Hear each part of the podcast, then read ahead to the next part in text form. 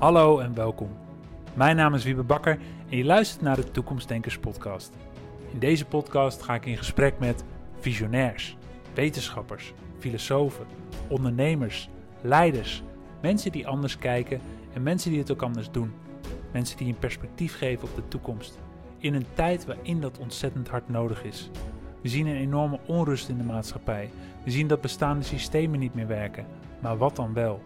Daarom ga ik in gesprek met deze interessante mensen om te ontdekken welke toekomst zich wil ontvouwen en hoe jij je kunt afstemmen op de nieuwe realiteit. Ik wens je heel veel luisterplezier en veel inspiratie.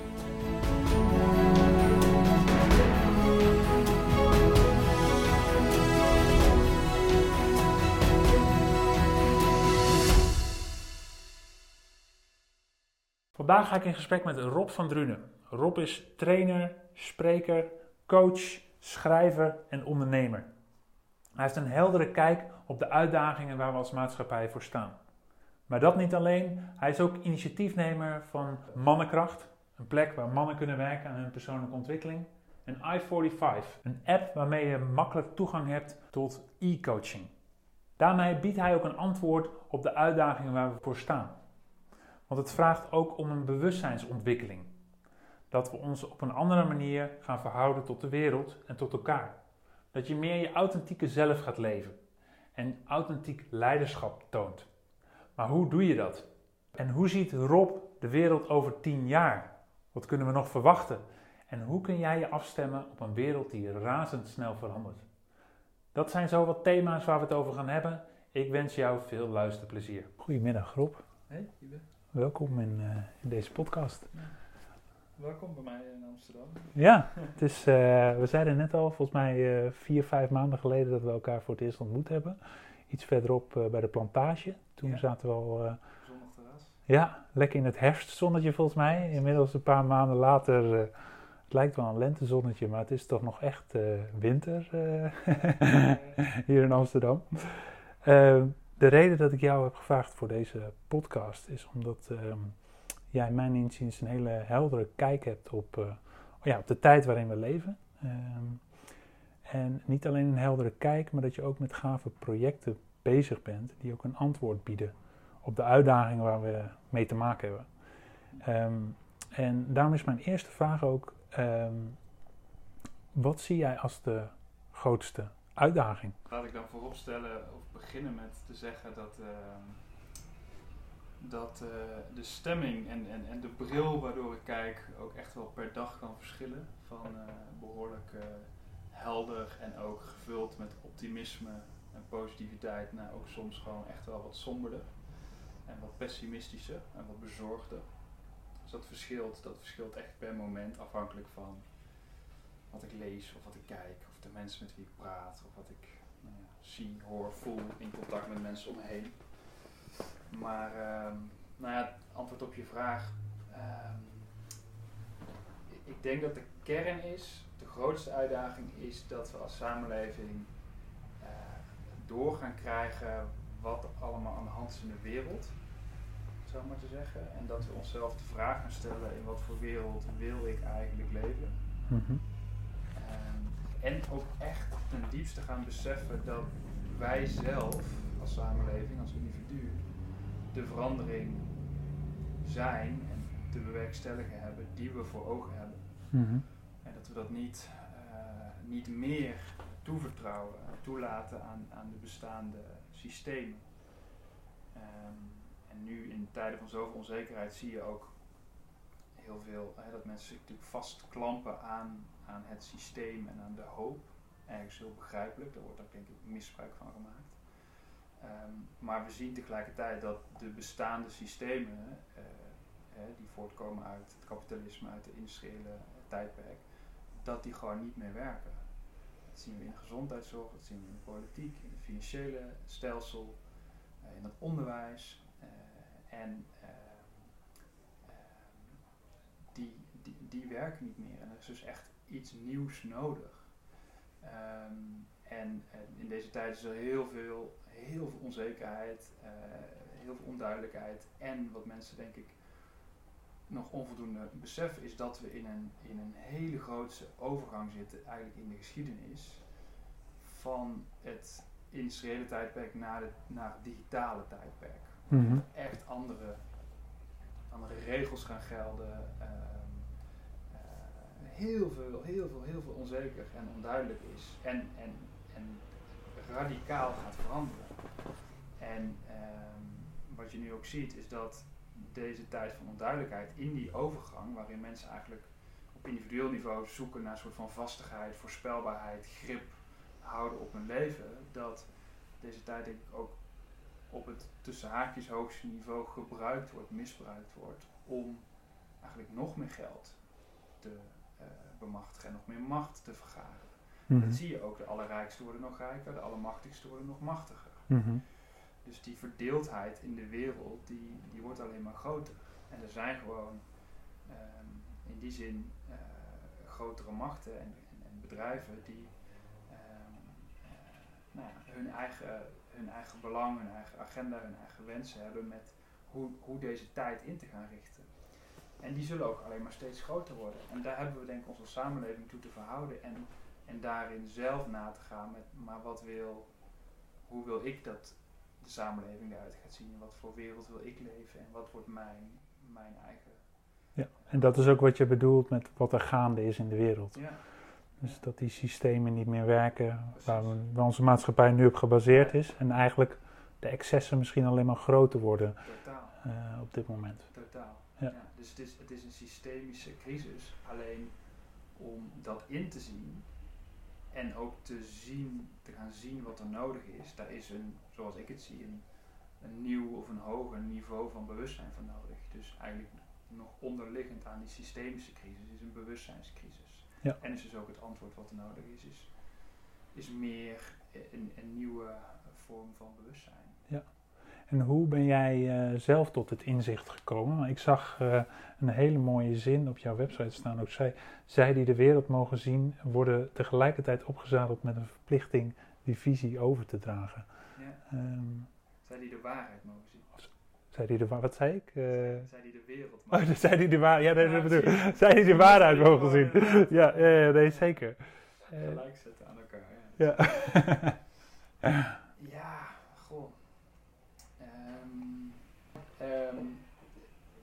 het, simpele antwoord is dat ik ehm, ehm, mijn eerste vijf, zes jaar van mijn carrière heb ik in de, in de consultancy gewerkt, verandermanagement voor grote organisaties. En dat liep eigenlijk eh, vast op een punt waarin ik weliswaar alles op papier soort van voor elkaar had om heel gelukkig en, en ehm, eh, eh, tevreden te zijn. Ik had een goede baan, ik had eh, klanten die heel tevreden waren, goed salaris, leuk huis, leuke vriendin, weet je, al die dingen. En toch voelde ik aan alle kanten van dit, ik, dit klopt niet voor mij. Dit is het niet het leven wat ik eigenlijk wil leven en ook waar ik ehm, eh, echt tot mijn recht kom. zeg maar. Mhm. Denk ik een vraag en een, en een onderzoek waar heel veel mensen in deze tijd en zeker in, in mijn eh, leeftijdscategorie en fase van het leven mee, mee spelen. En dat heeft bij mij toen tot een behoorlijke burn-out geleid en ook tot een soort jaar van een behoorlijke, nou, noem het even, identiteitscrisis. Wat me gewoon heel dicht in contact bracht met de vragen van ja, maar wie ben ik nou eigenlijk echt en wat wil ik nou eigenlijk echt? Mhm. eh, ten diepste, zeg maar. En dat was zo'n zo'n oerverlangen. En, en ook wel tot op het punt dat het soort van there's no way back. Er, er is maar één weg en dat is die weg aan te gaan Mhm. van dat onderzoek. En daarin ben ik ook, eh, dus uiteindelijk eh, als onderdeel van die burn-out ben ik echt uit, die, uit dat bedrijfsleven, om het zo maar zeggen, eh, gestapt. Ben ik heel veel gaan doen op het gebied van persoonlijke ontwikkeling. Van therapie tot, tot neurofeedback training, van vipassana meditatie tot ayahuasca's, eh, relatietherapie tot coaching, noem maar op. En ja, dat, dat is een, een, een, een steeds verdiepende reis geweest, waarin ik mezelf in de basis steeds beter ben gaan leren kennen. En Ja. Ik denk dat dat ook ehm, in die zin eh, het uitgangspunt is geweest om, om andere mensen op de wereld om me heen, voor zover ik dat begrijp, maar in ieder geval steeds beter te gaan eh, begrijpen.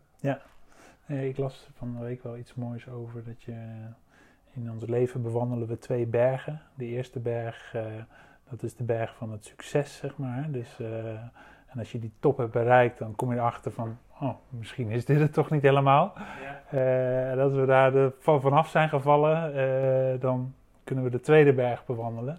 En dat is ook van, ehm, ja, wat kom ik hier eigenlijk doen? Wie ben ik? Eh, maar misschien ook wel, wat heb ik te geven aan deze wereld eh, in plaats van te halen? Eh, en dat vind ik ook mooi om te zien bij jou, want jij bent ook iemand die in je acties gewoon ook iets brengt in deze wereld. Dus en volgens mij is ondernemerschap daar ook een, een manier in voor jou.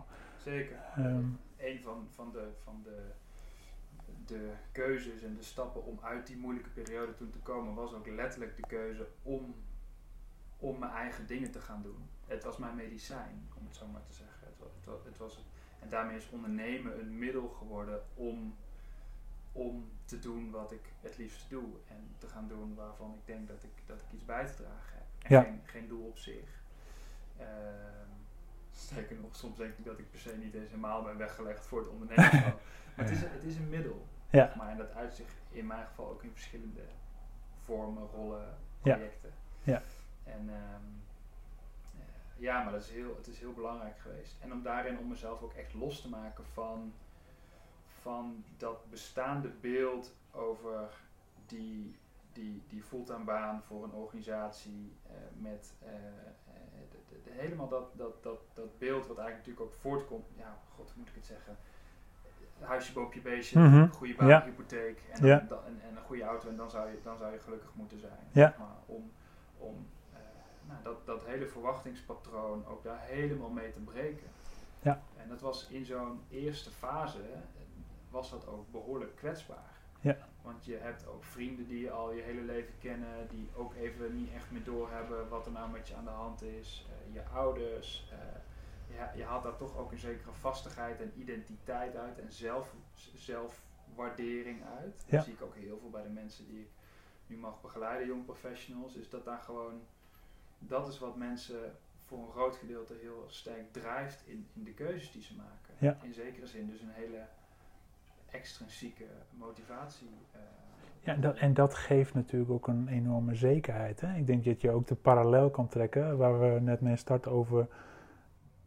Als je wakker wordt, dat je ziet van oké, de wereld waarin we leven eh, is misschien niet zo zeker als dat ik denk dat die is. En eh, om, om, om dat te beseffen, ja. ja, dat doet ook iets met je natuurlijk.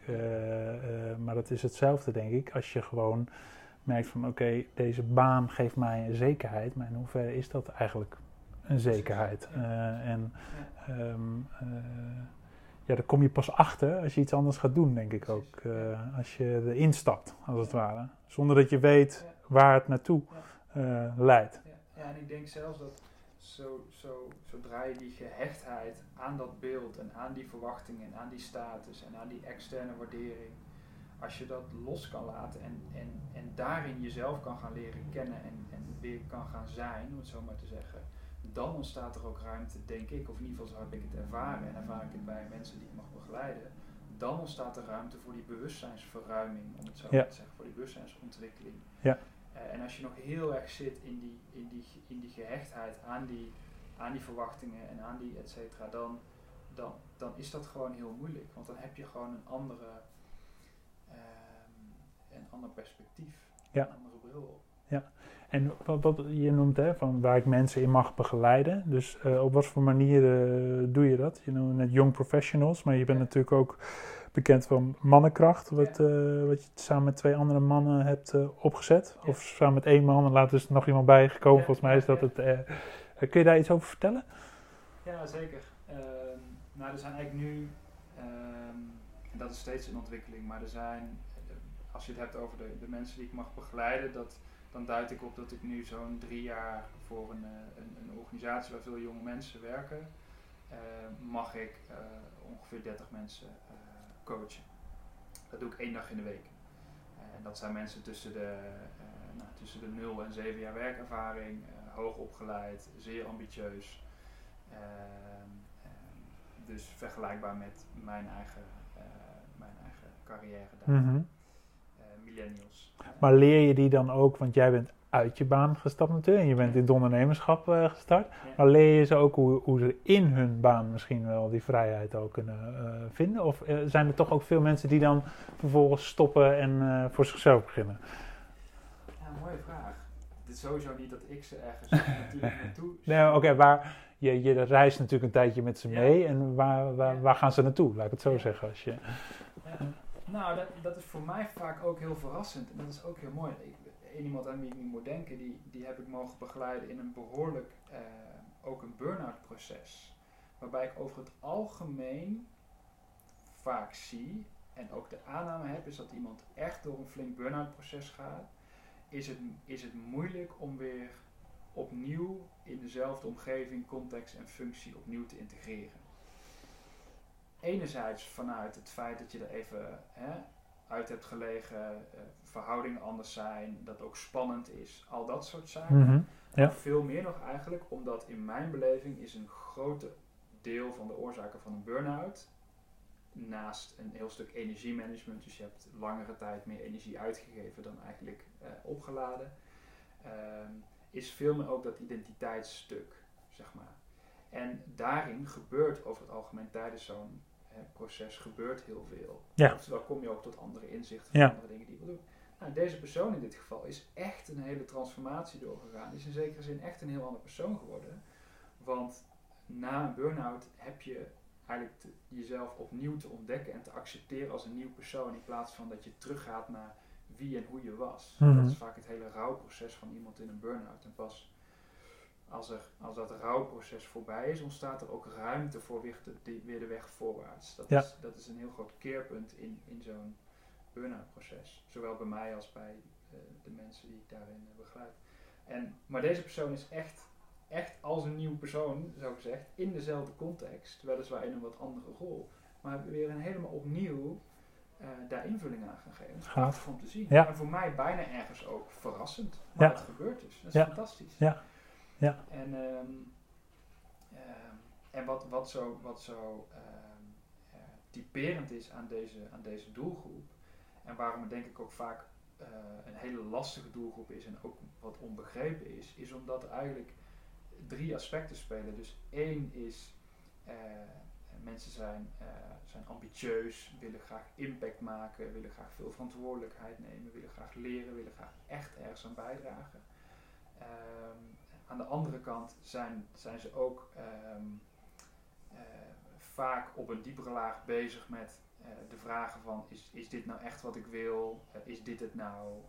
Wat wil ik nou echt? Wie ben ik nou echt? Et cetera. Mhm. Waar word ik nou echt gelukkig van?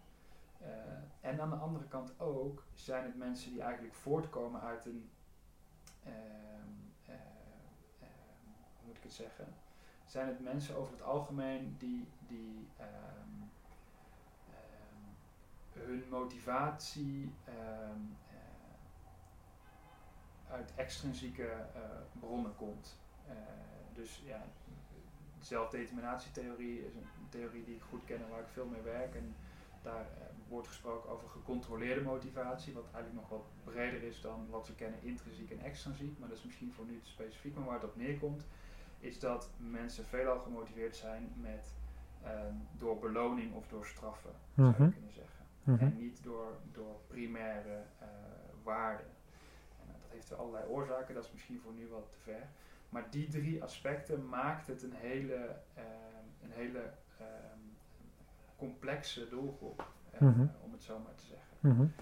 En merk je dan ook als ze door zo'n proces eh, heen gaan van een burn-out, dat de meesten ook meer komen bij een, bij een intrinsieke drive en vanuit daaruit in de wereld instappen?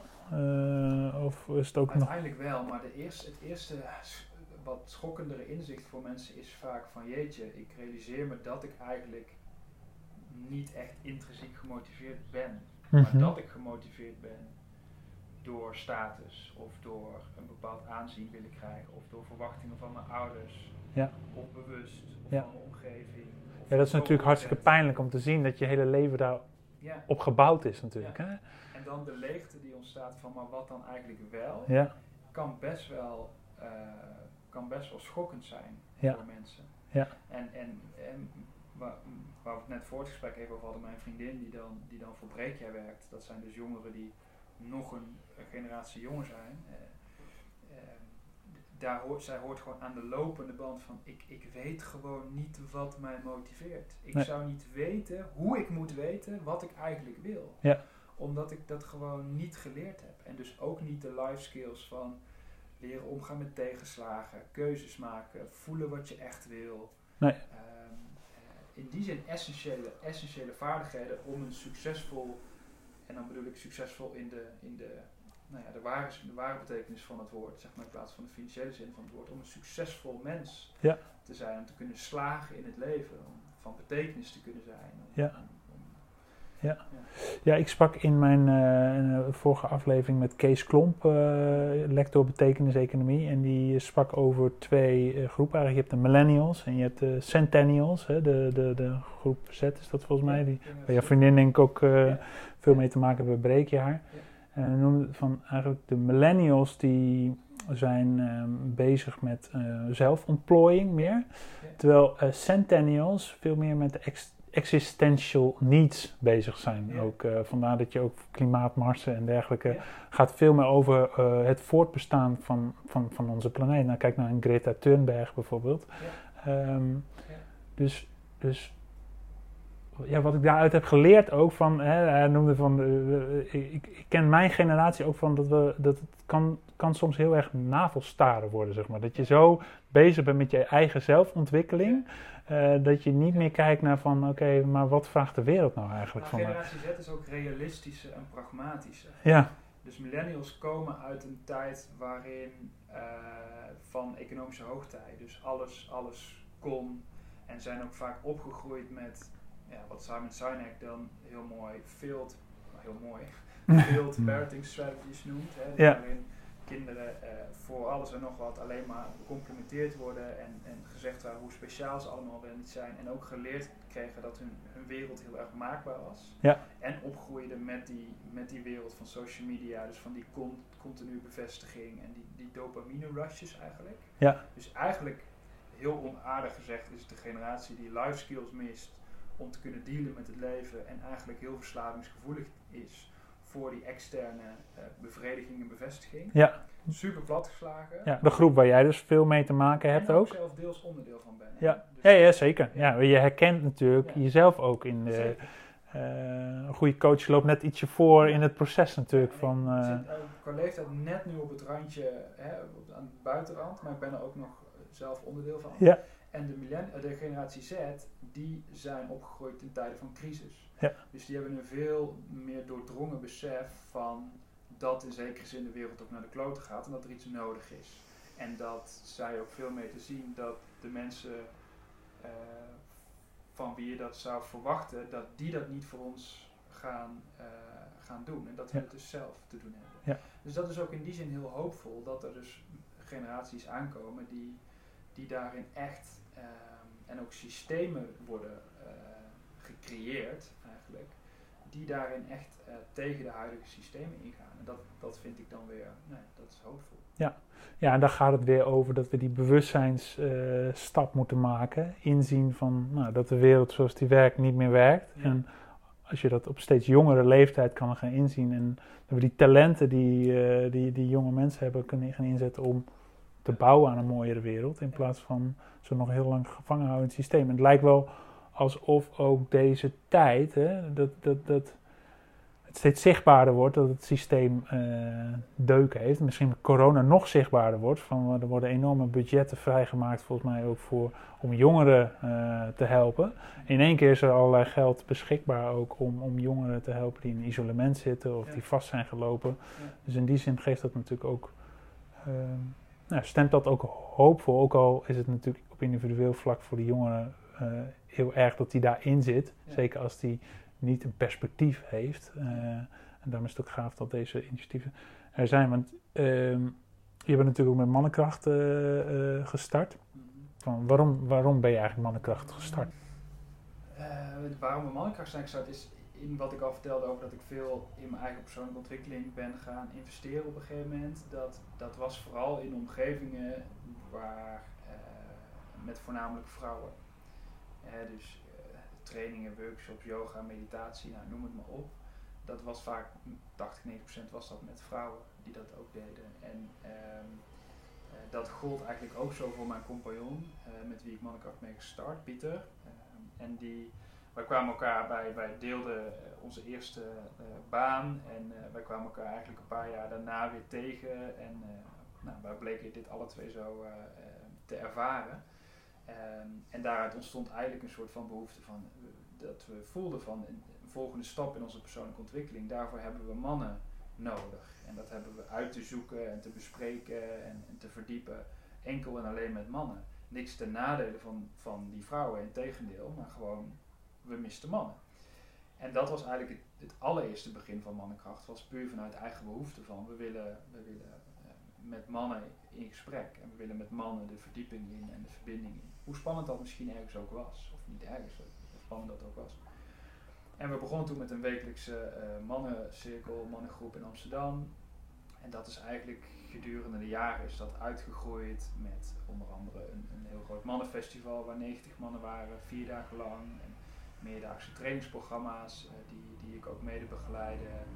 Ehm, tot ehm, eh, het Happiness Festival waar wij het allereerste Man Only programma mochten cool. faciliteren. Drie dagen lang, twee keer per dag. Ja. En ook vorig jaar met het schrijven van ons boek Het is Tijdman. Eh, wat nu nou, een paar maanden uit is.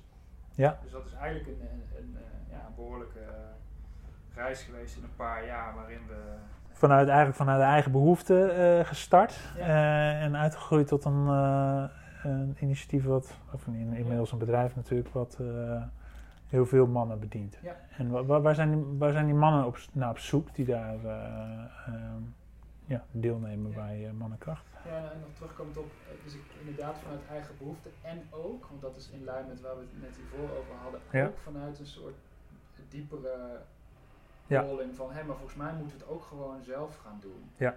In plaats van weer kijken naar, ehm, naar buiten ons. want er wordt, er wordt al het nodige mannenwerk gedaan. Daar heb ik ook zelf al wat, wat eh, mee gedaan. Maar dat, dat zijn ook uh, wat ouderwetse in onze ogen manieren. Waarin bijvoorbeeld een hele sterke uh, docent-leerling verhouding is. En waarin er weinig eigenlijk mens zijn meedoet van, van de docent zelf. Ja. En waarin het ook een beetje achteraf is en een beetje, een beetje vaag en een beetje spiriwiri is ja. en zo. En er wordt fantastisch mooi werk gedaan, nogmaals. Ik, ik heb daar zelf ook ervaring in en ook heel behulpzaam geweest. En wij voelden ook van dit is niet, dit is niet onze manier, dit is niet van deze tijd, dit is niet van de toekomst. Mhm. Waarin wij het ook als een heel normaal en, en, en integraal onderdeel zien van, van het dagelijks leven. Mhm. Eh, naast dat je uh, twee keer per week naar de sportschool gaat en één keer per jaar naar de tandarts, is dat je af en toe met een groep mannen bij elkaar zit. Hoe gezond dat is en hoe voedend dat is voor een man. En ook dat je één keer per maand uh, spreekt met een coach, bijvoorbeeld, wat weer een link is naar I-45, waar we het zo misschien nog over hebben. Um, maar dat, nou ja, dat, uh, die visie zat er ook achter. En ook gewoon dus de, de soort van, dan gaan, dan gaan we het zelf ook gewoon doen. Ja.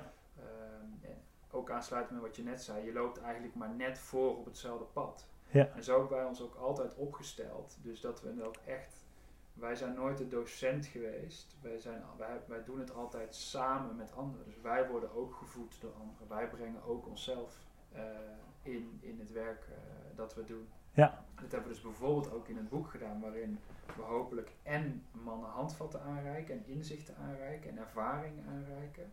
Maar onszelf ook niet buiten beschouwing laten als on, in ons hele mens zijn en twijfels en onzekerheden en Mooi. En flaters. En, ja. Weet je wel, noem maar op. En, en, om, en, en, dat zorgt hopelijk voor ook meer uh, verbinding. Ja. Meer, uh, uh, meer ja, wederzijds. Nou, en daarmee kan ik me voorstellen, wordt het ook door jezelf in te brengen en het laagdrempelig te maken, wordt het ook meer gemeengoed, zeg maar. Hè? Daarmee breng je het denk ik ook in de wereld, wat je noemt. En dan gaat het ook over de, de tone of voice natuurlijk. En um, ja, je wil niet alleen denk ik, de mannen uh, aantrekken die toch al in die hoek zitten, maar je wil juist ook de mannen aantrekken die ja. ja normaal gesproken misschien daar niet voor zouden kiezen. Ja. Eh, en ik vind het wel leuk hoe jullie dat beschrijven in je boek. Je hebt de, de alfa-man en de ja. alfalfa-man. Ja, hè?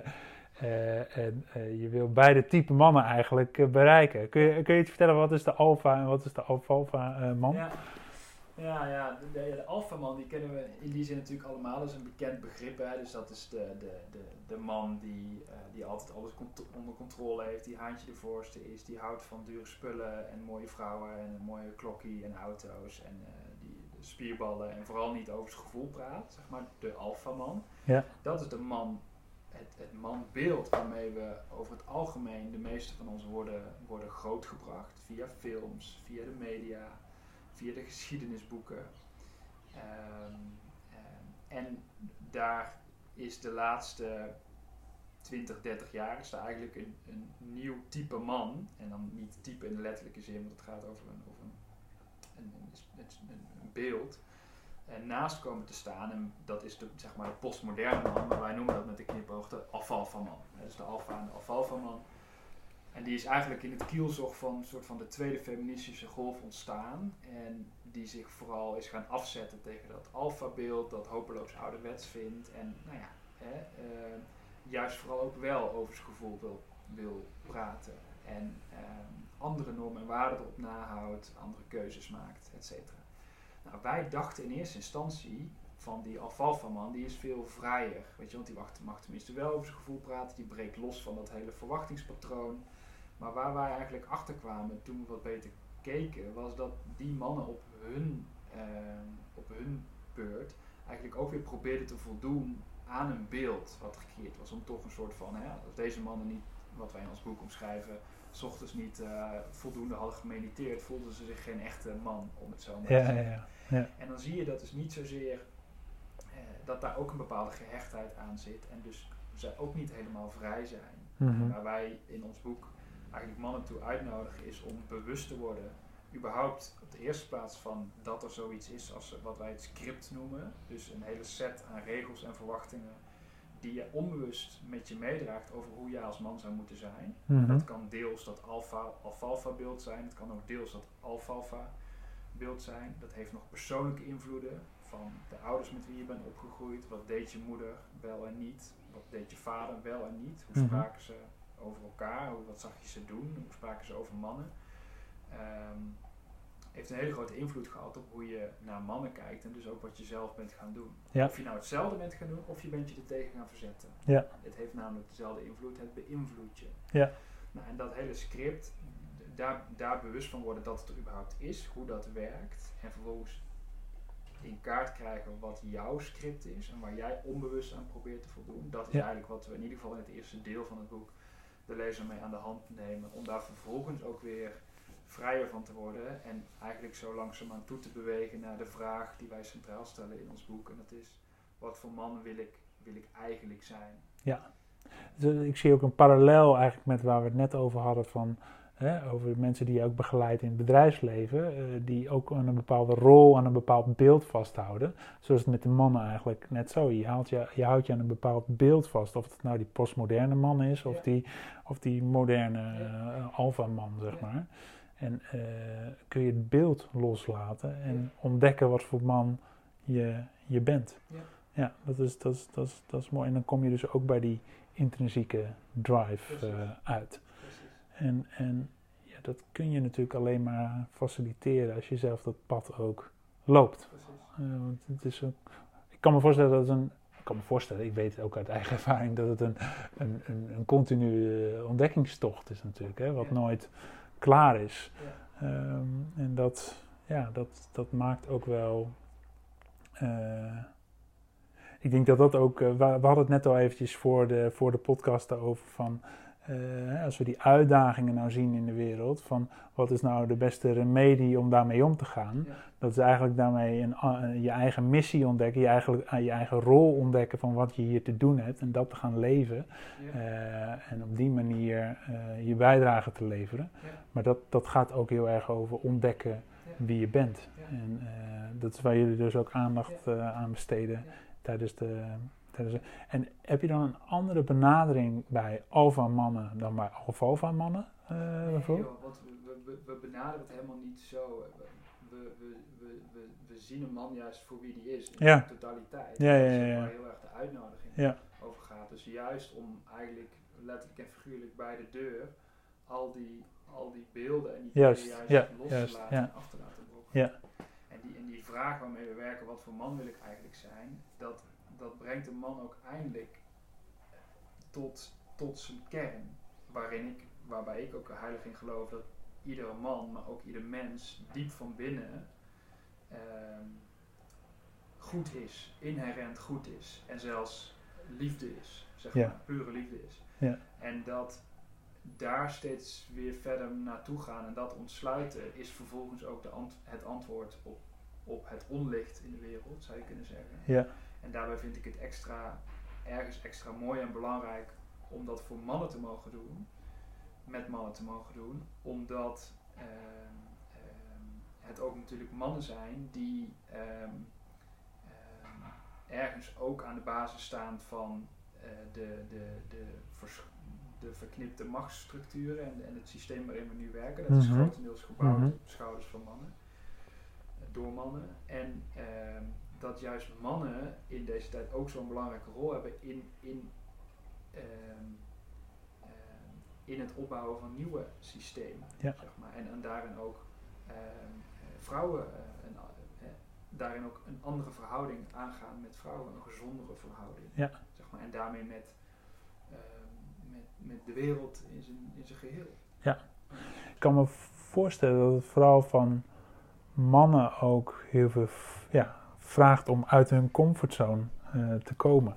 Van waar het dus niet meer, waar die, ja, de wereld eigenlijk niet zo maakbaar eh, lijkt te zijn Nee. als dat we dachten. Nee, dat is ook zo. En dat maakt het ook. En daarom, god, ik, ik, ik praat hier dus ook eigenlijk nooit, zo, nooit zoveel over. Omdat ik ergens in het werk wat wij doen ook vind dat het niet zo heel behulpzaam is. Want ehm, daarmee wordt er eigenlijk meteen een soort van schuld bij die mannen neergelegd. En ook een hele hoge druk. Terwijl waarbij vrouwen juist de afgelopen 20, 30 jaar wat meer innerlijk werk zijn gaan doen Mhm. eh, de weg naar binnen, eh, heeft dat bij mannen over het algemeen wat meer stilgestaan en be- begint dat eigenlijk nu pas. Ja.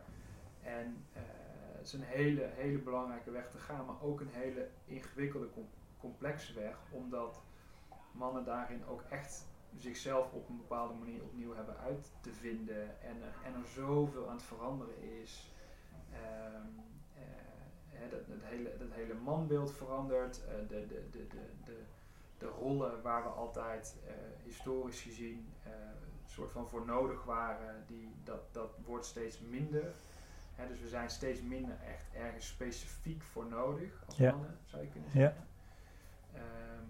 De verwachtingen nemen alleen maar toe en worden alleen maar eh, diverser en zelfs paradoxaler. Dus wij Ja. doen heel vaak sessies met mannen ook van waar moeten mannen allemaal voldoen in deze tijd. Ja. En dan krijg je een, een, een, een, lijst van dingen waarbij de conclusie ook altijd is: één, mijn god, wat is dit veel? En ten tweede, het conflicteert soms gewoon eh, enorm met elkaar. En het, het is niet om aan, het is niet om aan te beginnen, zeg maar. Het legt een hele hoge druk op. Ja. En daar allemaal, ehm, en dat in te zien en, en daarin, daar weer los van te komen, Ja. zeg maar, dat is, dat is heel erg waar wij veel mee werken. Ja. En, Ja. ehm, eh, Om, om, om te zien wat, wat je als man wel niet allemaal op je schouders draagt. Ja. Van ideeën die je zelf hebt opgelegd of, eh, of de maatschappij je heeft opgelegd. Eh, om dat eerst, die ballast van je af te gooien. Om überhaupt te kunnen ontdekken van oké, maar wie ben ik nou en wat heb ik nou? Ja. eh, waar ga ik nou van, van aan, om het zo maar te zeggen. Ook. Ja. En dat wil niet zeggen dat het dan dat het daarmee een soort van eh, eh, zalvend iets wordt van oh ik, ik ben zo zielig en er is van alles aan de hand en, en, er is juist ook heel veel, heel veel shit te doen zeg maar en, Mhm. en je hebt ook voor jezelf te zorgen en voor je gezin te zorgen en, en al die dingen Ja. Ehm, eh, en dat, ja, dat heeft ergens naast elkaar te bestaan Ja. Ja. Ja. en dat maakt het niet altijd makkelijk Nee, dus die, die ehm, ja, dat, dat beeld van die nieuwe man, die, die, die- dat moet nog gevormd worden eigenlijk. Dat, dat vormt eigenlijk iedereen voor zichzelf, Ja. van wat dat, voor, wat Ja, dus wat dat is voor jou. Laat er alsjeblieft geen nieuw beeld Nee, komen, nee. zeg maar. Dus laten we laten we eh, inzien dat, eh, eh, laten, we, laten we ieder, kijk, je, je bent al een man, daar hoef je niks meer voor te doen, zeg maar. Je hoeft nergens aan te voldoen om een man te, te zijn. Terwijl we dat ergens altijd wel in ons achterhoofd hebben. Dat is ergens met dat idee worden we ook grootgebracht. Eh, als, als vrouw word je geboren en als een man moet je worden. Zegt Esther, Esther Perel zo mooi. En dat ergens voelen we dat ook allemaal zo. Vrouw Mhm. ben je, ben je gewoon, zeg maar, Mhm. maar een man moet je ergens worden. Ja, ja. We zijn, dat, dat, je wordt geboren als man en dat ben je, hoef je niks meer voor te doen. Ja. Zeg maar. Ja. Ja. En- maar wat, wat dat als gegeven, en wat dan? Wat voor man wil je, Ja. wil je zijn? Ja. Je, bent, je bent al oké zoals je bent. Precies. Eh, wie wil je zijn? precies. In plaats vanuit een soort van schuldvraag inderdaad. Van, eh, van je, ben, je bent nog niet goed genoeg. Ik denk dat dat ook waar veel mannen mee te kampen hebben. Met het idee dat ze niet goed genoeg zijn. En vanuit daaruit eh, ja, zich willen veranderen eigenlijk. eh. En dat ze niet goed genoeg zijn en dat ze de enige zijn die met Ja. bepaalde gevoelens, onzekerheden, twijfels, angsten, et cetera. Ja. Want mannen praten er niet tot nauwelijks over met elkaar, ook niet met hun beste vrienden of hun partner in de meeste gevallen. Dus heel veel mannen denken dat ze de enige zijn met bepaalde dingen. Terwijl de realiteit is dat dat vrijwel nooit het geval is. Dat dat voor de meeste mannen Ja. in meer of mindere mate iets Ja. geldt. En zie je nu ook eh, eh, steeds meer mannen bij jullie aanmelden? Of die eh, Ja. Zeker, hiermee aan de slag gaan? absoluut. Ja. Dus het wordt ook wel steeds meer gemeengoed, Ja. eh, kun je zeggen. Ja. Hey, een ander gaaf project eh, waar jij eh, onlangs eh, mee gestart bent, is I-45, zeg ik dat goed? Hè? Ja. Eh, kun je daar iets over vertellen? Zeker. Ja, dus ik, ik, ik werk er al, eh, we werken er al twee jaar aan. Ja, alleen eh, sinds, sinds nog niet zo lang geleden heeft het ook eh, het levenslicht gezien en zijn we, zijn we oud en niet open. Maar er is al twee jaar lang heel hard aan gewerkt. En eh I45 is een e-coaching platform die, die jongvolwassenen, jong professionals Mhm. ondersteunt in hun persoonlijke groei en ontwikkeling en mentale gezondheid. En ehm, eh, enerzijds, eh, nou, vooral vanuit de, de, de visie dat, ehm, ehm, dat wij geloven dat het eh, een, een, eh, een heel normaal en integraal onderdeel wordt van, je, eh, van, van een gezonde levensstijl. Eh, dat je eh, investeert in je persoonlijke groei. Eh, dus wat I45 heeft, we hebben, eh, heel dashboard, een heel groeidashboard met allerlei zelfmanagement tools waarbij je eigen doelen kan stellen, stemmingsmeter, zelfscans, eh, ehm, groeiassessment, allerlei ontwikkeltools, eh, journeys met allerlei modules ehm, op het gebied van nou thema's die voor deze doelgroep belangrijk zijn. Dus assertiviteit of omgaan met stress of eh, keuzes maken, ehm, eh, maar ook beter slapen, piekeren, Ja. Werkstress, noem maar op, daar, Ja. hoe daarmee om te gaan.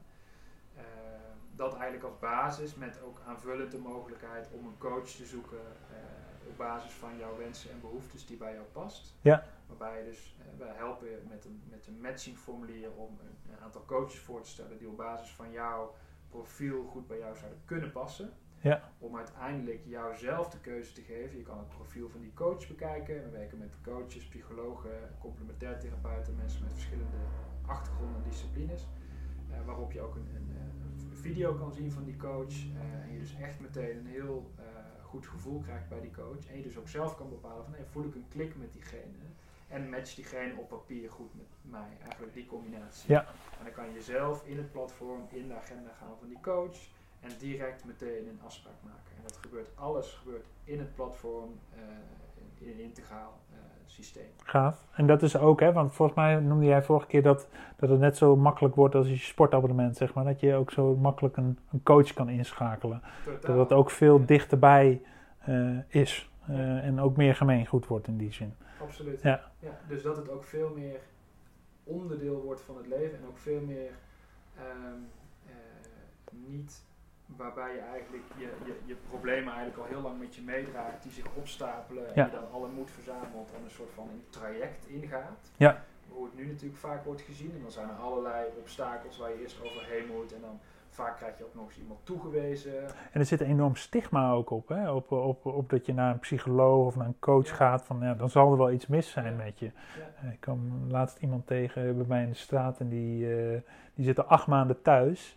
En die zit te wachten op een psycholoog, maar die, die moet nog acht maanden wachten vanwege de wachtlijst. Ja, ja, Eh, daar krijg ik echt, echt jeuk van. En, Ja. en die, die persoon is daar helaas niet de enige van, want dit is echt een gigaprobleem in de, in de GGZ, dat die wachtlijsten zo torenhoog zijn.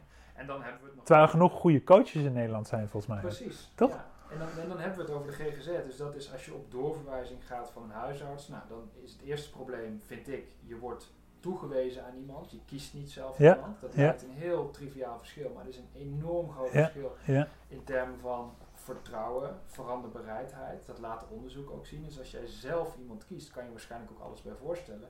Als jij zelf iemand kiest op basis van een klik die je voelt, een profiel waarvan jij denkt, hé, hey, diegene past bij mij. ja, Dan sta je eigenlijk al 2-0 voor in termen van de vertrouwensrelatie, in termen van je eigen veranderbereidheid om überhaupt aan de slag te gaan. intrinsieke drive. Ja, In plaats van, ik word aan iemand toeverwezen en Ja. ik zal maar eens even gaan kijken. Dan sta je eigenlijk 2-0 achter. Ja. Dus de helft is al gedaan als je, als je een intrinsieke match faciliteert. Ja. Wat wij dus doen. Ja. Ehm, en dan heb je nog het probleem van de gigalange wachttijden en noem maar op. Nou, bij i45, dat, is, dat hele probleem zetten we gewoon een groot kruis doorheen. Want je kan gewoon de volgende dag of die week nog, op basis van de beschikbaarheid van de coach naar jouw keuze of de psycholoog naar jouw keuze, Ja. kan je gewoon een afspraak maken. En dat kan je gewoon, dat gesprek kan je hebben vanaf de bank of vanuit eh, de lunchpauze tijdens je werk. Of 's ochtends vroeg voordat je naar je werk gaat. Ja. Of eh, eh, wat jij dan ook maar wil. Ja, ja, dit vraagt natuurlijk ook om een systeemverandering. Dat je niet per se naar een psycholoog moet gaan om eh, die ook nog eens een keer aan jou toegewezen wordt om, eh, om hulp te krijgen. Maar Ja, dat je ook, het is een systeemverandering. Ja, ja, ja. Op zichzelf. Ja. Dus iemand zei laatst zelfs van, oh jullie zetten eigenlijk gewoon een soort tweede GGZ op. Ja. Eh, wat ergens een heel groot compliment is. Ergens klopt het ook weer niet, want het is veel breder dan alleen maar eh, geestelijke gezondheidszorg. Ja. Psychologische zorg. Het zijn juist vooral ook heel veel coaches. Ja. En in de markt van coaches, wat daar het grote probleem is wat wij tackelen, is dat de markt heel ontransparant is. Dus hoe weet je nou, eh, één, eh, of iemand goed is? Mhm. En punt twee, hoe vind ik überhaupt iemand? Hoe weet ik dat iemand bij mij past? Ja. Dat zijn deze doelgroep gewoon twee hele grote belangrijke vragen waar mensen ook op vastlopen. Ja. Ehm, en dat, dat eh, lossen wij ook op binnen I45, omdat we je dus helpen. Punt 1, omdat alle coaches en mensen die we aannemen, die voldoen aan een hele hoge kwaliteitsstandaard. Mhm. Dus je weet meteen dat het goede mensen zijn. Die, die, die garantie heb je. Dus daar hoef je zelf niet meer over na te denken of naar op zoek te gaan. En punt 2, we helpen je helemaal om de juiste match te vinden en de coach te vinden die het beste bij jou past. Mhm. Zelfs tot op het niveau dat na dat profiel bekijken met die video en die, en die matchingsvragenlijst die je invult, heb je een, een intake waarin je eigenlijk wederzijds ook kan onderzoeken van hey, past deze coach goed bij mij? En als Mhm. dat niet goed voelt, die kans is klein, maar dat kan, dan is dat gewoon je intake en dan zoek je weer een nieuwe coach Ja. uit. Ja, gaaf. Waardoor je ook het helemaal bij het individu legt om zelf ehm, eh, de, regie en het eigenaarschap te nemen over zijn of haar eigen Ja. ontwikkeling. En daar eigenlijk alle tools eh, voor aan te reiken om daar ook zelf eh, mee, mee aan de slag te gaan. Ja. En naast coaching heb je dus ook de mogelijkheid om, hè, we noemen dat microcoaching, dus waarin je eigenlijk als je nu even ergens mee zit en je hebt niet meteen de behoefte om een, een gesprek in te plannen, maar je wil wel even kort inchecken bij je coach, of even wat vragen, of je coach heeft bijvoorbeeld een, een, een digitale opdracht voor jou klaargezet, dat je daar even kort contact over hebt. Ja. Of je coach weet waar je, waar je mee bezig bent die week, of waar je je zorg over maakt die week, of waar je eenmaal werken die week. En er is even contact over, hey, is dit nog gelukt gisteren wat je wilde doen? Ja. Of hoe is het met dat spannende gesprek gegaan? Ja, moet je voorstellen, dat geeft, dat, dat, dat, dan heb je, nou ja, letterlijk meer grip op je, op je, op je mentaal-emotionele welzijn. Ja. En, en dus je leven. En ervaar je veel meer balans. En, en leer je veel sneller, omdat het veel meer on the ball is, veel meer in het leven, in het hier en nu. Nou, en een nieuwe tijd gaat natuurlijk over dat we systemen bouwen die, waar de mens centraal staat, in Precies. plaats van dat het systeem centraal staat. En dit is een prachtig voorbeeld natuurlijk Ja. van waar je heel erg kijkt van oké, wat heeft deze kandidaat nodig Ja. om zo goed mogelijk geholpen te worden. Ja. Ehm, en ja, ik, ik stem mij altijd eh, blij als ik zie hoeveel initiatieven in, in, in deze eh, richting er zijn. Hè? Dat er ook veel meer een integrale aanpak is, in ieder geval waar je niet alleen kijkt naar alleen maar praten over je verleden, als het, eh, om Ja. het maar even te zeggen. Maar ook kijken van wat, hoe doet je voeding, je slaap, eh, bewegen, noem maar op, de integrale aanpak.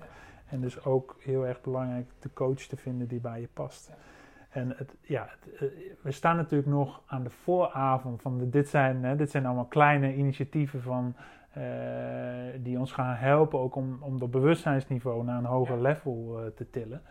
Ehm, als jij nou eens eh, de, in de toekomst mag kijken hè, en dan eh, eventjes eh beamt naar over tien jaar, van, van wa- waar hoop je dan dat jij staat, maar waar we ook als maatschappij staan? Ja. Nou, dan is mijn eerste antwoord denk ik niet zo, misschien niet zo leuk of niet zo optimistisch. Want ik denk dat het, dat het de komende jaren in eerste instantie nog veel slechter, veel erger gaat worden. Ehm, dus we zijn nu allemaal heel erg eh, vooral gericht en bezorgd over, eh, over corona. Maar ehm, eh, dat is denk ik eigenlijk ons slechts een symptoom en eigenlijk een van de minst grote problemen ten opzichte van waar we het helemaal aan het begin van het gesprek over hadden. En ik denk dat die, ehm, die, dat die, dat, dat die, die systemische problemen vanuit die, die macht die eigenlijk steeds verder corrompeert, zeg maar, eh, dat die alleen nog maar toe gaat nemen de komende tijd. Tot het punt dat steeds meer mensen ook wakker gaan worden en gaan zich realiseren van hé, maar dit is niet, dit staat zo ver af van de wereld waarin ik wil leven. Mhm. eh, om mensen ehm, eh, nou ja, aan te zetten om zelf andere keuzes te gaan maken, meer eigen regie te gaan nemen. en Moet nog meer het pijn gaan doen. Ja. Daar ben ik wel, daar ben ik wel bang voor. En ik denk dat er Mhm. ook een, een overgangsperiode of zo gaat zijn waarin er ook eh, in zekere zin ehm, meer, meer eh, afscheiding gaat zijn. Dus waarin er eigenlijk een, een grote groep ook. Hè, want die, die, die, die grotere krachten die, die spelen in die digital age en eigenlijk ehm, steeds meer ook eh, controle over de mensheid zou je kunnen zeggen. Dat, dat, dat is een kracht die niet te stoppen is. Mhm. Zeg maar. Die wordt ook alleen maar groter. mhm. Eh, en daar gaan gewoon heel veel mensen ook ehm, ehm, nou ja, eh, eh, onderdeel van zijn en in mee. En ehm, dat, zal ook, dat zal ook systemen veranderen, zeg maar. Of ik bedoel meer, dus daar, daar gaan systemen naast komen te staan die daar echt helemaal in eerste instantie echt los van komen te staan. Dus ik denk dat je daar ook echt een, een, een wat meer scheiding gaat krijgen in Ja. eerste instantie. Ja, ik denk dat dat een realistische kijk is inderdaad. Want je, hebt- dat je hebt die twee stromen eigenlijk. Die stroom die juist meer, jij noemt het eh, transhumanisme ook. Hè, die Ja. meer, waar eh, Harari ook schrijft in zijn boek Homo Deus natuurlijk. Die, die, die kant. En eigenlijk de meer, eh, nou ik zag laatst een mooi interview. Dat ging tussen Harari en Bregman. Die samen in een eh, call zaten. Waar Harari natuurlijk zijn beeld vertelt over de Homo Deus, waar we veel meer de kant op gaan van het transhumanisme. En waar Rutger Bregman vertelt over zijn eh, de meeste mensen deugen. Ja. En dat we systemen bouwen die eh, uitgaan van vertrouwen in mensen. Ja. En, en, en dat je eigenlijk die, die beide stromingen eigenlijk groter zullen gaan worden. En dat is wat jij ook omschrijft hier. Ehm, en, en ja, hoe dat zich gaat ontwikkelen, dat is Ja. natuurlijk een, eh, een grote. Ja. eh, Nou, wat Rutger ook schrijft in zijn boek, onder andere wat voor mij heel behulpzaam was, eh, is ook dat hij helemaal psychologisch onderbouwd uitlegt het fenomeen dat, dat macht corrompeert, zoals hij dat ook noemt. ja, En dat vond ik ergens heel behulpzaam eh, om dus te beseffen en te snappen dat het zo werkt dat als je veel macht hebt, dat je eigenlijk steeds meer macht wil hebben en die macht niet kwijt wil. mhm. Dus eigenlijk steeds verder afkomt. In die zin haaks op de, de, de, de essentie van de boodschap van zijn boek, namelijk de meeste mensen deugen, is dat je ook dat macht corrompeert. Dus je gaat slecht doen, Ja. zeg maar. Dus ja, want, eigenlijk de, de mens is, de, althans de meeste mensen deugen, hè? dus de Ja. mens is in, in wezen goed. Alleen we hebben systemen gebouwd. Exact. Die- corrompeert mensen tot, tot Ja. slechte mensen, terwijl Ja. ze diep van binnen in hun hart niet slecht zijn. Ja. Daar geloof ik ten diepste in. Ja. Eh, En daarom hebben we nieuwe systemen nodig. Ja. die dienend zijn ook eh, aan de mensen. En eh, waar we gelukkig ook al voorbeelden Ja. van zien. Maar oké, dus, dus je zegt van dat gaat nog wel even eh, duren, dit hè. Jan Rotmans die spreekt over een, periode van tien jaar. Ja, zeven jaar Eh, of zo denk ik ook. ja. Van god, wie ben ik hier om hier zo te zeggen, laten we dat voorop staan. Ja, ja, ja. Maar dat, dat het erg gaat worden en eh, Ja. dat denk ik wel.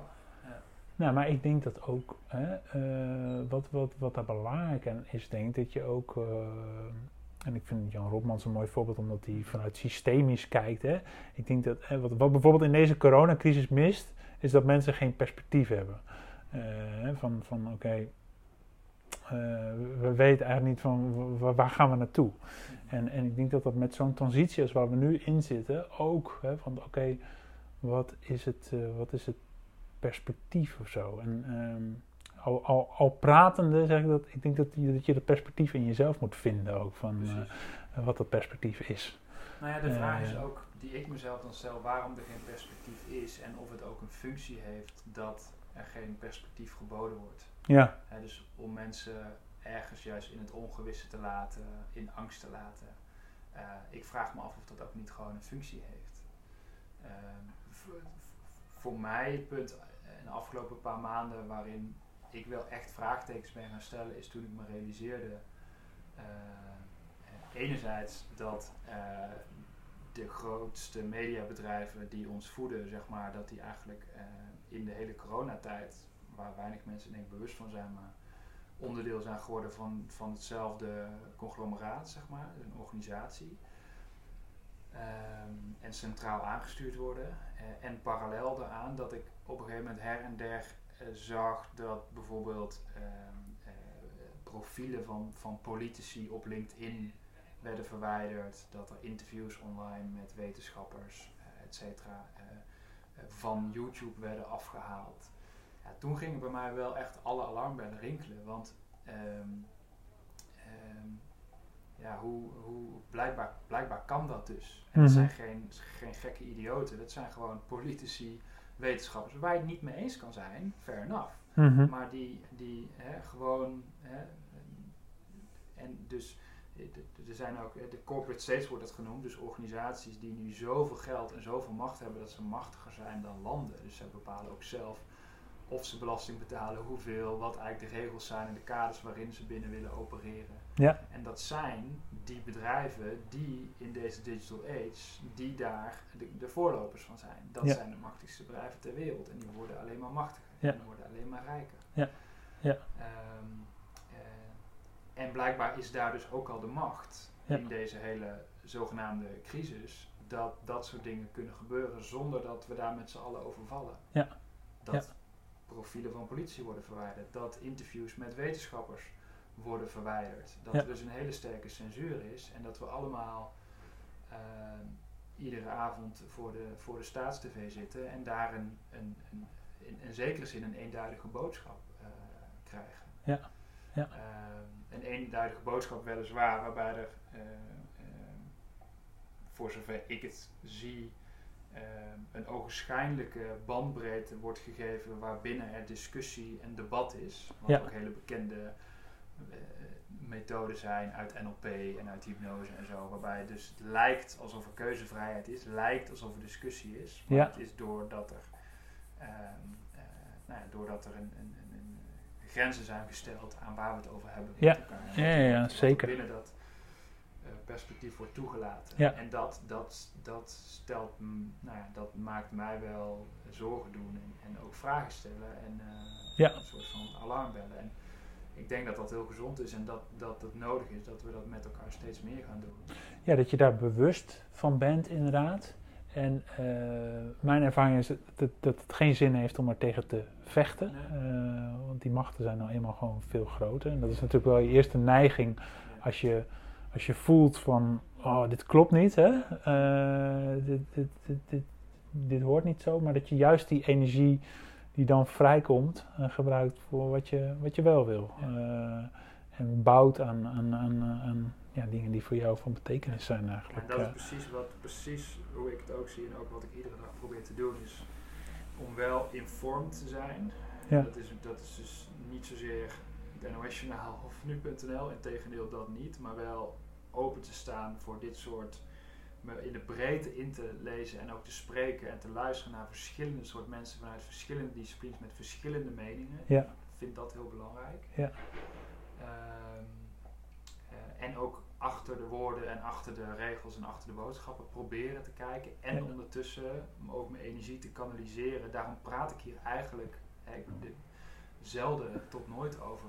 Eh, Ja. Nu met jou eigenlijk voor het eerst vrij uitgebreid. Maar ik kies daar eigenlijk bewust voor om dat heel selectief tot niet te doen. Omdat het voor mijn dagelijkse doen en laten en in, in wat ik, waar, ik met, waar ik mee bezig ben, niet zozeer in bijdraagt. En ook niet nodig voor is om het daar Nou, wat, ik, wat ik zelf daarin in proef, zeg maar, van, eh, door het erover te hebben en te zien hoe complex de waarheid eigenlijk is, wat je er ook weer aan herinnert, eh, dat we in die systeemverandering zitten. Hè? Dat je, daardoor word je ook als het ware elke keer weer even wakker geschud of zo. Van, en dat doe je natuurlijk door, door, door diverse perspectieven te lezen. eh, over te maar ik denk juist ook door het over te hebben. En dat hoeft Ja. natuurlijk niet altijd in een podcast te zijn. Daar kun je ook gewoon eh, aan de keukentafel met elkaar over hebben. Maar juist dat gesprek daarover te voeren.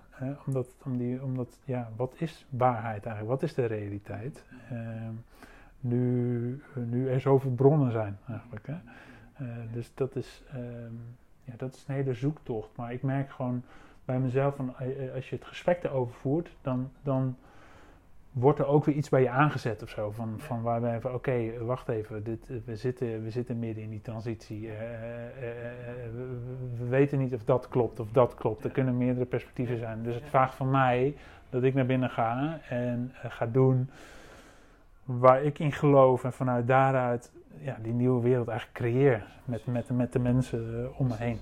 Ja, dus, Nou, en eh, ik probeer voor mezelf ook echt een soort innerlijk kompas te hanteren van ehm, zit ik nu op een plek dat het me energie kost en ergens meer aan me vreet dan dat het me wat geeft? ja, Of dient het me nu in, in mijn leven nu? Als Ja. vader, als vriend, als ondernemer. Ja. En daarin soms dus ook te kiezen om wel iets aan te gaan of niet iets aan te gaan. Wel iets op te zoeken of niet iets op te zoeken. En, ehm, ehm, en met opzoeken bedoel ik niet eh, op internet iets opzoeken, maar gewoon eh, ergens over hebben met iemand. Eh, of ergens mijn energie insteken.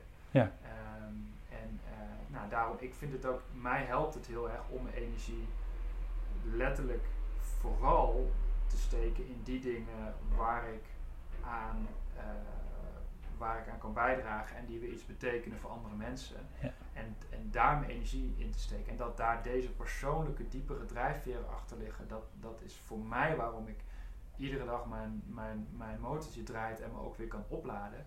Maar dat is, dat is helemaal aan de kant van de mensen met wie ik dan werk, is dat wat minder, Ja. is dat wat minder eh, Ja. belangrijk. Ja, en als ik jou hoorde ook, dus het is ook heel erg belangrijk om die balans heel erg goed te bewaken eh, bij jezelf. Ja. Hè? Waar, je, waar je andere mensen in coacht natuurlijk. Ja. Bij jezelf ook elke keer die energiebalans van wanneer eh, verdiep ik me misschien te veel in een bepaald onderwerp. eh, of wanneer verlies ik mezelf ergens in. En elke keer weer kijken, oké, voel ik mezelf, ja, Maar dat ook in, in, het, in het hele bewustwordingsproces juist ook zorgen voor. God, ik hoorde het van de week ook weer van iemand hele eerlijke verhalen over.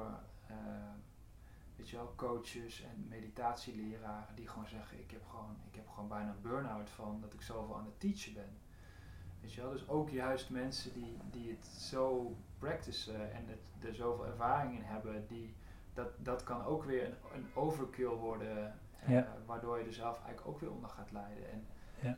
Een van mijn waardevolste lessen, en, en begrijp me niet goed, ik ben hier dus zelf alles eh, van perfect in, maar dat je ook pas echt van betekenis kan zijn voor anderen als je, als je in eerste instantie ook goed voor jezelf hm, zorgt. Ja. En, en, en dat is soms moeilijk als ook parallel aan die, aan die bewustzijnsontwikkeling, om daarin ook nog, of juist vooral in de basis, goed voor jezelf en, en de mensen die het meest dichtbij staan Ja. eh, en je, je eigen basis ook Ja. eh, te zorgen. Ja. En eh, dat is een continue dans. En, Ja. Ja. ja. heel herkenbaar. Ik denk dat dat ook een belangrijke is nou, voor mensen die luisteren ook inderdaad van als je, als je ook, ook ziet dat we in die transitie zitten en, en daarmee aan de slag gaat. En daar zo gepassioneerd mee aan de slag gaat. Ik denk dat vooral bij mensen die de wereld aan het verbeteren zijn, in die hoek heb je vooral mensen met burn-out, denk ik ook. Omdat je, omdat je jezelf uh, erin verliest en jezelf vergeet. Maar ja, als je jezelf niet vergeet, ja. ja. dan kun je ook niks betekenen voor die wereld. Dan, uh, dus dat goed voor jezelf zorgen is een hele belangrijke. En, en nou, ik vind de, de, initiatieven die jij noemt, in ieder geval mannenkracht uh, en, en I-45 ook nieuwe manieren om ook een coach dichtbij te vinden. Ja. Um, heel gaaf. Um, nou, we hebben enorm veel uh, besproken. Uh, ik vond het een hartstikke leuk gesprek. Um, ja. Ik ga nog uh, in de show notes even zetten link naar Mannenkracht sowieso ook en I-45. Ja. Um, ja, ik wil je hartstikke bedanken voor dit leuke gesprek, Rob. Graag gedaan.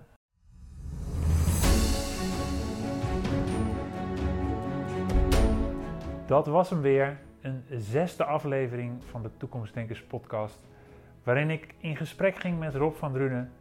Wil je meer weten over Rob? Kijk ook eens op zijn prachtige website robvandrunen.nl. Uh, en wil je meer weten over mannenkracht? Mannenkracht.nl of i45, i45.nl. Uh, leuk dat je luistert in ieder geval. Ik zal ook nog eventjes uh, in de show notes het interview tussen Brechtman en Harari zetten. Heel interessant. Ik zou het zeker naluisteren. En wil je nou meer afleveringen luisteren van de Toekomstdenkers podcast? Kijk op toekomstdenkers.nu, waar je je ook kunt abonneren op het kanaal of via de vele apps, de App Store of via Google. Leuk dat je luisterde uh, en graag tot de volgende keer.